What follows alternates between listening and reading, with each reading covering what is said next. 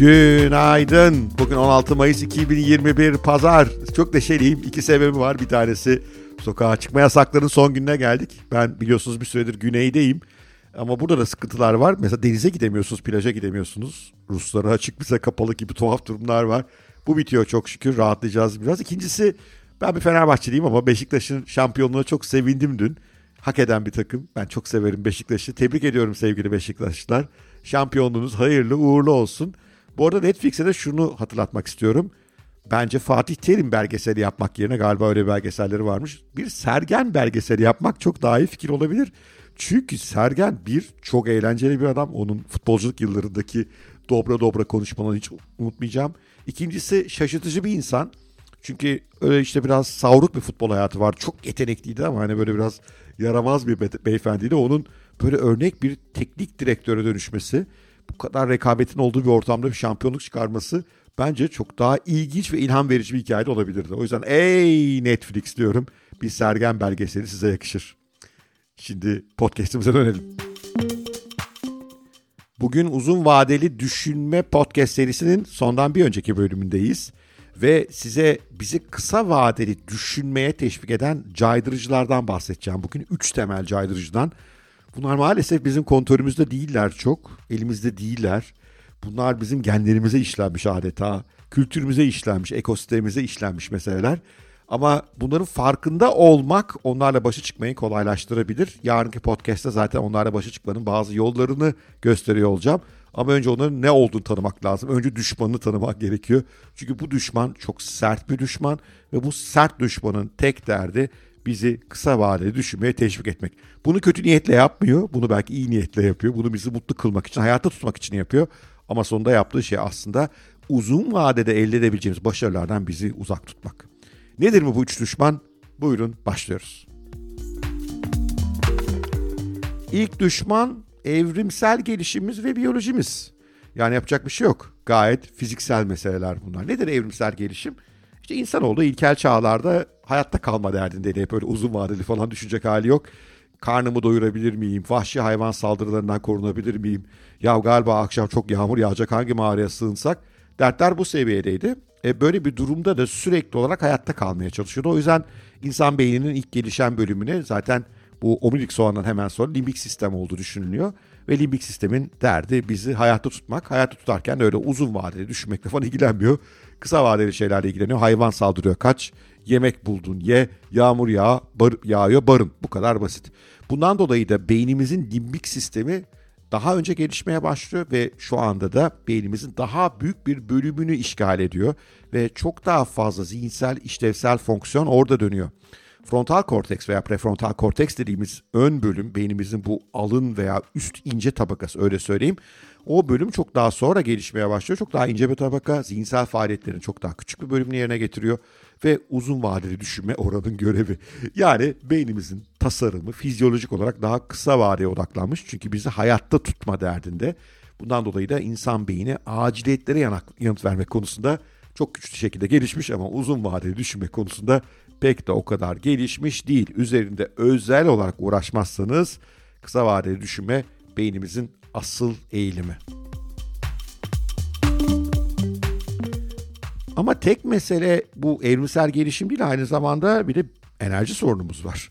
Beynimiz çok enerji tüketiyor. İnsan oğlu dinlenirken beyni toplam enerjisinin %20'sini tüketiyor. Yani o anda 100 birim enerji tüketiyorsa 20'sini beyin tüketiyor ve bunu dinlenme halinde yani öyle uyuklarken sakin sakin güneşin altına yatarken boş bir işler yaparken o durumda bile aslında beyin toplam vücut kitlemesinin sadece %2'sini oluşturuyor ama ona karşın inanılmaz enerji tüketiyor. Ve bu dinlenme halinde. Şimdi bu dinlenme halindeyken böyleyken biraz düşünmeye falan geçtiğinizde çok daha fazla enerji tüketmeye başlıyor. Şimdi bu enerji meselesi önemli çünkü ilkel insan kolay kolay yiyecek bulamıyor. Yani enerji kaynağına erişemiyor. Bu durumda ilkel insan nasıl bir alışkanlık geliştirmiş? Enerji tasarrufu alışkanlığı. Yani eğer o anda avlanmak gibi bir derdim, bir vahşi hayvandan kaçmak gibi derdim yoksa ben arkadaş dinleneyim, az enerji tüketeyim. Ve enerji tüketecek faaliyetleri bu temel deminki dediğim konulardaki bütün faaliyetleri minimuma indireyim. Bu faaliyetlerden bir tanesi de elbette düşünmek. Çünkü uzun vadeli düşünme çok enerji tüketen bir şey. Satranç oyuncuları mesela satranç oyuncuları nispeten uzun vadeli düşünüyorlar. Çünkü satranç tahtasında o andaki hamle değil 4 5 6 hamle sonrasını planlamaları gerekiyor. Bu bir küçük uzun vade düşünme örneği olabilir. Onların maçlarda kilo verip kalktıkları biliniyor yani. Acayip enerji tüketici bir şey. Veyahut da bir sınava girdiğinizde zor bir soruyla uğraştığınızda şeker ihtiyacı hissediyorsunuz. Çünkü zor sorularla uğraşmakta yine beynin normal enerji tüketimi üstüne çıktığı anlar. E, uzun vade düşünmede öyle ve beyin bundan hiç hoşlanmıyor. British Columbia Üniversitesi'nin bir araştırması şöyle bir sonuca varmış. Yiyecek ve barınak aramada, cinsel partnerler için rekabet etmede ve hayvanlardan kaçınmada daha verimli olmamızı sağladığından enerjiyi korumak insanın hayatta kalması için çok önemliydi. Ve işte bu bugüne devam ediyor. İşte çok biliyorsunuz mesela uzun vadeli baktığınız zaman aslında spor yapmak o anda iyi ama kısa vadede kanepede yatmayı tercih ediyorsunuz. Kalmayı televizyon seyretmeyi çünkü beyniniz size bunu emrediyor. Enerji tüketme diyor. Uzun vadeli düşünmek için elinize kağıdı kalemi alıyorsunuz. Plan yapacağım diyorsunuz. Sonra dayanamıyorsunuz. Kısa vadeli keyiflere kendinizi verip dur ya bir tane dondurma yesem. Veyahut da televizyonda şöyle eğlenceli bir program var. 5 dakika sonra seyredip onu seyredip sonra bu işi yapsam deyi veriyorsunuz kendinize. İşte bunlar hep bu biyolojik derdimiz enerji tüketmeyi sevmiyoruz ve uzun vade düşünmek enerji tüketir. Şimdi konu sırf evrimsel gelişimimiz ve beynimizin enerji tüketici biyolojisi değil ki. Başka faktörler de var. Bizim dışımızdaki faktörler var. Mesela modern hayat ve teknoloji var. Modern hayat dediğiniz nedir? En temelde modern hayat bir tüketim ekonomisidir. Yani en temele baktığımızda modern hayatı bugün mümkün kılan ekonomik büyümenin temelinde bizlerin bir şeyler tüketmesi var. Ve bu tüketimimizi teşvik etmek için bunun arkasında devasa bir pazarlama ordusu var. Çok da yaratıcılar, çok zeki insanlar var orada o ordunun içerisinde. Ve bunlar sürekli olarak bize şunu satın al, tüket ve mutlu ol diyorlar. Böyle her taraftan dev bir propaganda e, baskısı altındayız, reklam baskısı altındayız. Ve buna direnmek çok kolay değil. Oysa bu tip tüketimler aslında bize hep uzun vadeli düşünmeden uzaklaştıran ve kısa vadeye odaklayan şeyler. Neden öyle diyorum? Uzun vadeli düşünmek mesela para tasarrufu ve yatırım yapmayı ve yatırımların kümülatif sonuçlarına inanmamızı gerektirir. E oysa siz sürekli tüketim yapıyorsanız geçmiş olsun. Uzun vadeli düşünme mesela biraz az yemeyi, sağlığınıza dikkat etmeyi gerektirir. Oysa o dondurma reklamındaki kıtırtı sesine dayanamayıp dondurma yiyorsanız başınız dertte demektir. İşte o yüzden sürekli olarak bu dışarıdan gelen tüket tüket tüket propagandası bizi kısa vade düşünme tuzaklarına itiyor. Ama tek konu bu değil bir de bunun üzerine statü endişesini eklemek lazım. Statü endişesi doğal. Daha ilkel çağlardan bile var. İlkel çağlarda da o kabilenin içerisinde hayatta kalmak istiyorsanız bir statünüzün olması gerekiyordu. Hala aynı şey geçerli. Bir statü endişemiz var. Toplumun içerisindeki yerimizi bilmek istiyoruz. Ve eğer bu statüyü bağladığımız şey işte uzun vadeli yatırım becerilerimiz, sağlığımız, vücudumuzun işte ne kadar formda fit olduğu, kişisel gelişimiz değil de bunların yerine işte evimizin büyüklüğü, arabamızın modeli ya da kolumuzdaki saatin markasıysa bu durumda yine uzun vadeli düşünemez hale geliyoruz. Çünkü bunları tüketmek, bunları satın almak asıl konu haline geliyor ve bu durumda da uzun vadeli yatırımlar yapamıyoruz. Ben arabasının modeliyle hava atan çok insan gördüm. Ben saat markasıyla hava atan çok insan gördüm. Ben evinin büyüklüğü ve bulunduğu semtle hava atan çok insan gördüm. Ama işte kişisel gelişimiyle ne kadar aslında akıllıca sağlık sigortaları yaptığıyla veyahut da uzun vadeli yatırım fonlarıyla övünen pek kimseye rastlamadım. Niye? Çünkü buna kimse ilgisini çekmiyor. İşte statü endişesi o yüzden bizi yanlış şeylere doğru sürüklüyor. Başkalarının ne söyleyeceği adlı düşünsel zayıflık böyle adlandırıyorum ben bunu. Bizim başımızın büyük belalarından bir tanesi. E bir de bu statü endişesinin üzerine sosyal medya ekleyin. Facebook, Twitter, Instagram. Buralarda bir şeyler paylaşmak istiyoruz. Buralarda beğenilmek istiyoruz. Ve hemen beğenilmek istiyoruz. Paylaşım yapıyoruz. Hemen like'lar almak istiyoruz. E bu bizi biraz daha da bu tuzağa e, açıkçası sokuyor. Bir de bu şirketler çok akıllılar yani bu iş nasıl yapacaklarını çok iyi biliyorlar. O ekranları kaydırmadan duramıyoruz. O ekranlara bir şey paylaştığımızda bir like bir yorum aldık mı diye bakmadan duramıyoruz. Bu da yine statü endişesinin bir parçası. Onun dijital versiyonu. Ama bu da bitmiyor. Burada da bitmiyor. Bir de işte Netflix'ler, Blue TV'ler, Dijitürk'ler bunlar da başımızın derdi. Bunlar da sürekli olarak zamanımızı çalmaya çalışıyorlar. Oysa uzun vadeli düşünmek için en temel kaynak aslında zaman. Onu çalıyorlar bizden. Kısa vadeli keyifleri sürüklüyorlar. O diziyi öyle bir yerde bitiyorlar ki bir sonraki bölümünü izlemezsek kısa vadeli keyiflere odaklı beynimiz çok mutsuz oluyor. İşte bütün bunlar da bizi kandırıyor. Yani modern hayatın getirdiği statü gerekli gereksinimleri, tüketim gereksinimleri ve bir yandan da teknoloji firmalarının bizi sürekli olarak tuzaklara çekiyor olması başımızın iki numaralı büyük derdi. Ya diyeceksiniz hocam siz de hep yakınıyorsunuz ama yakınmaya devam edeceğim. Bakın bir, evrimsel gelişim ve biyoloji bizi mahvediyor. İki, modern hayat ve teknoloji bizim düşmanımız uzun vadeli düşünmek konusunda. E bir de psikolojimiz var, psikolojik altyapımız var. Psikolojik altyapımız artık ben nedendir bilmem. Bunu araştıran daha eminim uzman insanlar var ama psikolojik altyapımızda biraz kısa vadeli düşünme taraftarı. O da pek uzun vadeli takmıyor diyebiliriz. Nereden mi biliyorum?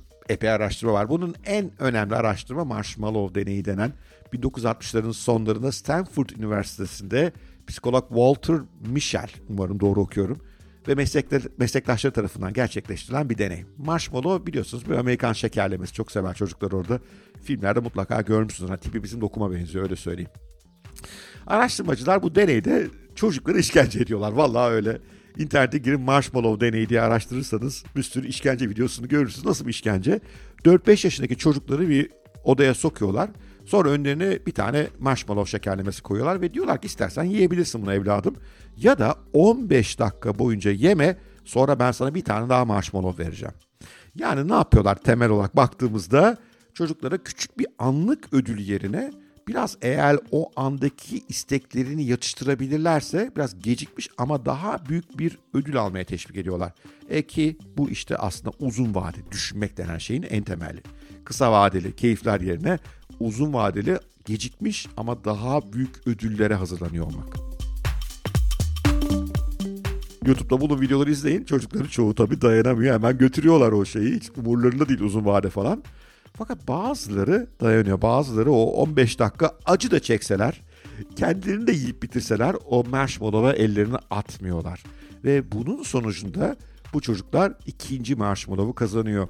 Ama bu çocuklar galiba sadece o ikinci şekerlemeyi kazanmakla yetinmiyorlar. Bu çocuklar hayattaki her konuda daha başarılılar. Deneylerden sonraki birkaç 10 yıl boyunca bu marshmallow testlerine katılan çocukların hayatları izleniyor. Ve çok ilginçtir. İşte o 15 dakika üzeri dayanan çocukların hayattaki her konuda işte SAT puanları ne bileyim işte bizdeki LGS puanı gibi öyle söyleyelim. SAT puanlarının daha yüksek oldukları, daha düşük vücut kitlelerine sahip olduğu yani temelde daha sağlıklı oldukları, daha iyi uzun vadeli ilişkiler kurdukları ve işte uyuşturucu veya zararlı maddeler gibi tehlikeli şeylerden daha az etkilendikleri böyle alışkanlıkları pek edinmedikleri gözüküyor.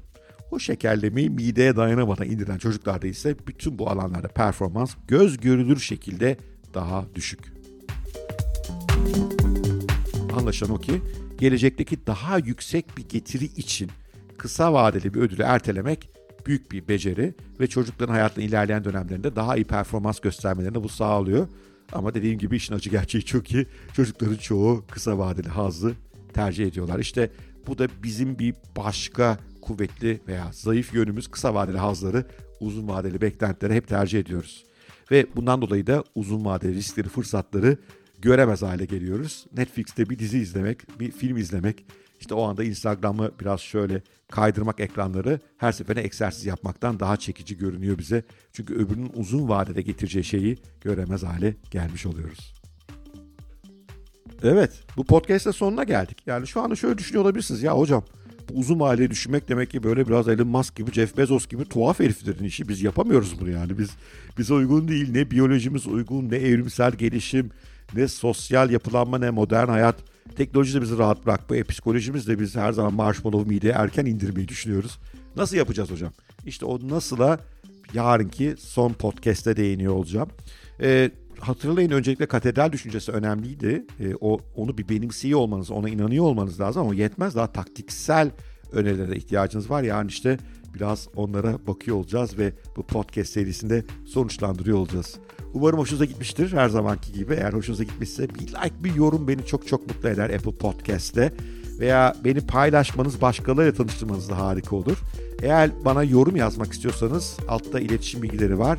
Haddini aş at özkent.co oradan ulaşabilirsiniz. Ve e, Haddini Aş sitesine de ulaşmanızı tavsiye ederim. Orada bu podcastlerin bazılarının hepsinin değil ama bazılarının yazılı halleri de oluyor. Okumak ve onu sonsuz bir öğrenim aracı haline getirmek istiyorsanız you're welcome. Görüşmek üzere. Sevgiyle kalın. Hoşçakalın.